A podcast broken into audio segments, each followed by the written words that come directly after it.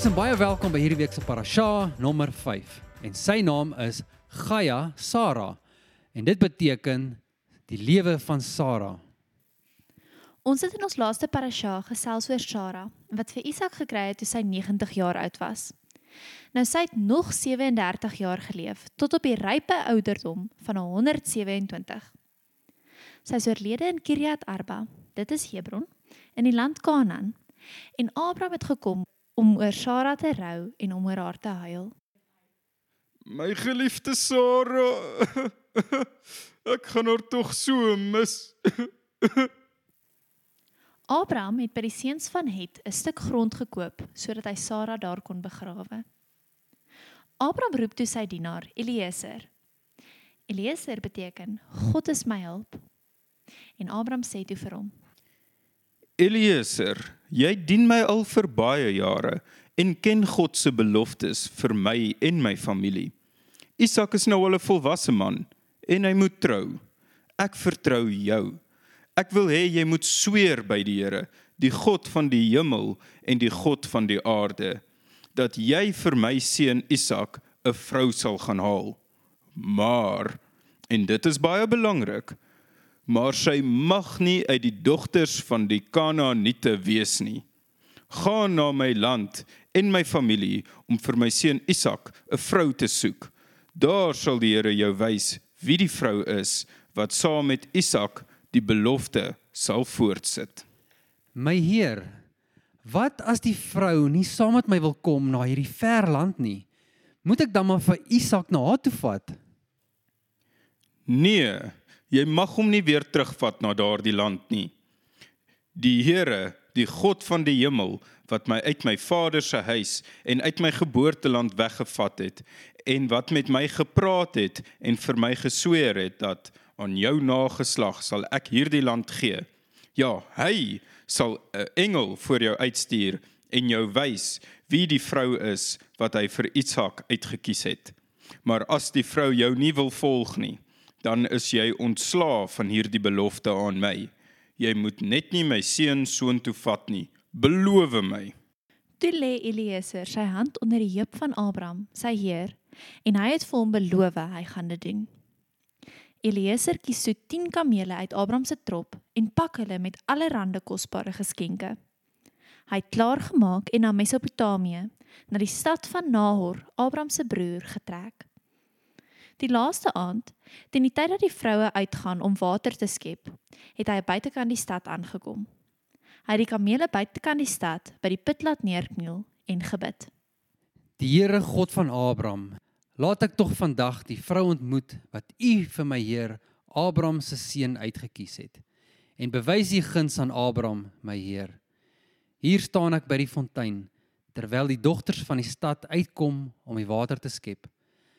Laat dit nou tog so gebeur as die dogter aan wie ek sal sê, hou tog jou kruik dat ek kan drink, antwoord, Drink en ek sal ook u kamele laat drink. dan sal ek weet dat sy die vrou is wat u uitgekies het vir u knegg Isak. En daarna sal ek weet dat u guns aan my Heer Abraham bewys het. Hy het nog nie klaar gebid nie, of daar kom Rebekka met haar kruik op haar skouer aangestap. Sy was die dogter van Betuel, die seun van Milka, die vrou van Nahor, Abraham se broer. Sy was baie mooi. En sy het afgegaan na die fontein en haar kruik volgemaak en weer met die vol kruik opgekom. Laat my tog 'n bietjie water uit jou kruik drink. Drink my heer, Met daardie woorde laat sy gou haar kruik op haar hand afsak en laat hom drink. Nadat sy hom genoeg laat drink het, sê sy: ek sal vir u kamele ook skep totdat hulle genoeg gedrink het. Dadelik het sy toe haar kruik in die kamele se drinkbak leeggemaak en weer na die put geloop om te skep. Sy het aangehou en aangehou water optrek en dit in die drinkbak leegmaak totdat al 10 die dorskamele ook genoeg gedrink het. Eliezer het haar stilletjies dopgehou om te kyk of die Here sy gebed dalk deur haar beantwoord het. Toe die kamele uiteindelik genoeg gedrink het, vat Eliezer 'n goue ring, half siekel in gewig, en twee armbande vir haar hande, elkeen 10 siekels goud in gewig, en sit dit vir haar aan. En hy sê: Wie se dogter is jy? Vertel my tog. Is daar plek vir ons in jou vader se huis om vanaand oor te slaap? Ek is die dogter van Betuel, die seun van Milka, wat sy vir Nahor gebaar het. Daar is ook meer as genoeg strooi en voer by ons en genoeg plek vir julle om te slaap.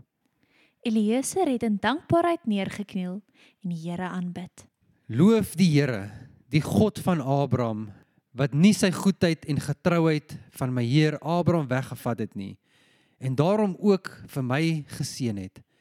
Want die Here het my heelpad gelei na die huis van die broers van my Heer. Rebekka is huis toe en het daar vir haar familie gaan vertel wat nou net gebeur het. Toe hulle die goue ring en die armbande sien wat Rebekka dra en hoor wat sy vertel, het Laban, Rebekka se broer, uitgeloop na Eliezer waar hy nog buite die stad by die fontein bly staan het. Kom in, geseënde van die Here. Waarom staan jy nog buitekant terwyl ek die huis reggemaak het? Ek het selfs al die plek reg vir jou kamele. Kom, vanaand bly julle by ons. Eliezer het toe die huis ingekom. Kamele is afgesaal en kon hulle self trommeldik aan strooi en voer vreet.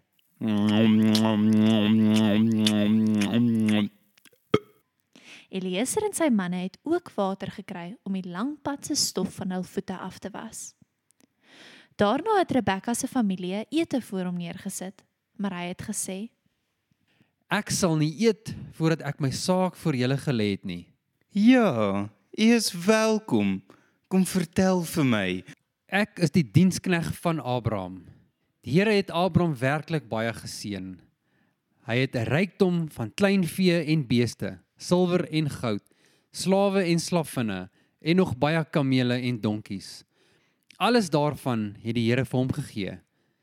Boonop dit het Sara, Abraham se vrou, vir my Heer 'n seun, Isak gebaar nadat sy al oud was. En Abraham het vir hierdie seun alles oorgegee wat hy besit.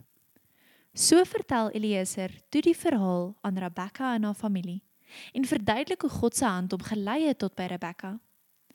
God het Rebekka se nederige, dienende hart raak gesien. As julle dan nou guns en trou aan my Heer Abraham wil bewys en julle dogter Rebekka as vrou vir my Heer se seun Isak sal gee, sê dit vir my. En as nie, sê vir my dan dat die antwoord nee is, sodat ek kan weet wat ek nou moet doen. Ons weet dat hierdie van die Here afkom en nie van jou nie. Daar staan Rebekka voor jou. Sy wil gaan. So neem haar dan saam met jou terug, sodat sy vir Isak 'n vrou kan wees, soos wat die Here dit gereël het. Toe Eliezer hul woorde hoor, het hy weer gekniel om die Here te loof. Daarna het hy silwer en goue geskenke saam met pragtige klere uitgehaal en dit vir Rebekka gegee. Hy het ook heelwat kosbare geskenke vir haar broer en vir haar ma gegee uit dit wat Abraham saamgestuur het. Na al hierdie dinge het almal geëet en gedrink, ook Eliezer en die manne wat by hom was, en hulle het die nag oorgeslaap. Toe hulle die môre vroeg opstaan, sê Eliezer vir die familie: Ek is haastig om terug te kom by my Heer Abraham. Laat my asseblief toe om vinnig terug na hom toe te gaan. Nee man, wat praat jy nou? Weet jy hoeveel dinge die familie en die vrouens moet regmaak voordat sy kan trou? Laat Rebekka nog 'n paar dae by ons bly. Daarna kan jy met haar teruggaan. Nee, moet my asseblief nie terughou nie. Die Here het my geseën en alles goed laat verloop om my Heer Abraham se gebede te antwoord. Laat my trek dat ek na my Heer kan gaan en vir hom kan wys hoe God se guns op hom en sy familie is. Nou maar goed, kom ons roep vir Rebekka en vra haar self. Sy is immers die een wat met Isak moet trou.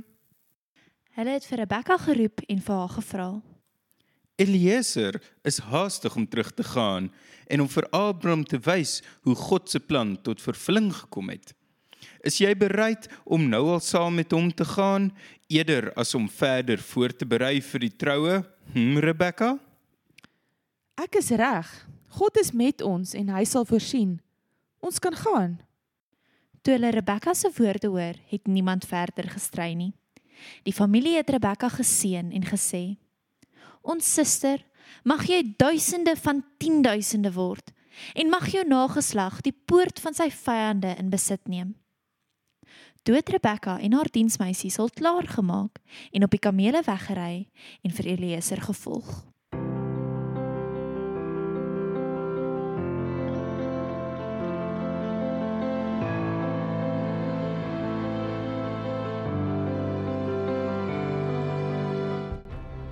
Isak het uit die rigting van die put Laharoi gekom. Die put wat beteken die Here sien my. Want hy het gaan woon in die Suidland. En Isak het in die aand uitgegaan om te bedink in die veld. En toe hy opkyk, sien hy met eens die kamele aankom. Rebekka het ook opgekyk en vir Isak gesien. Toe het sy van die kameel afgegly en vir Eliezer gesê: Wie is die man in die veld wat na ons toe aangestap kom? Dis Isak, jou toekomstige man. Toe vat sy haar sluier en maak haar gesig toe terwyl sy na Isak toe stap. Daarop het Eliezer aan Isak alles vertel wat hy gedoen het en hoe die Here hulle geseën het. En Isak het vir Rebekka as sy vrou gevat en hy het haar liefgehad. Maats, en net so is Heilige Gees besig om ons as bruid reg te kry vir Jesus Christus ons Messia wat op pad is om ons te kom haal. Mag julle 'n awesome week hê. og snurr oss. Njom, njom, njom, njom.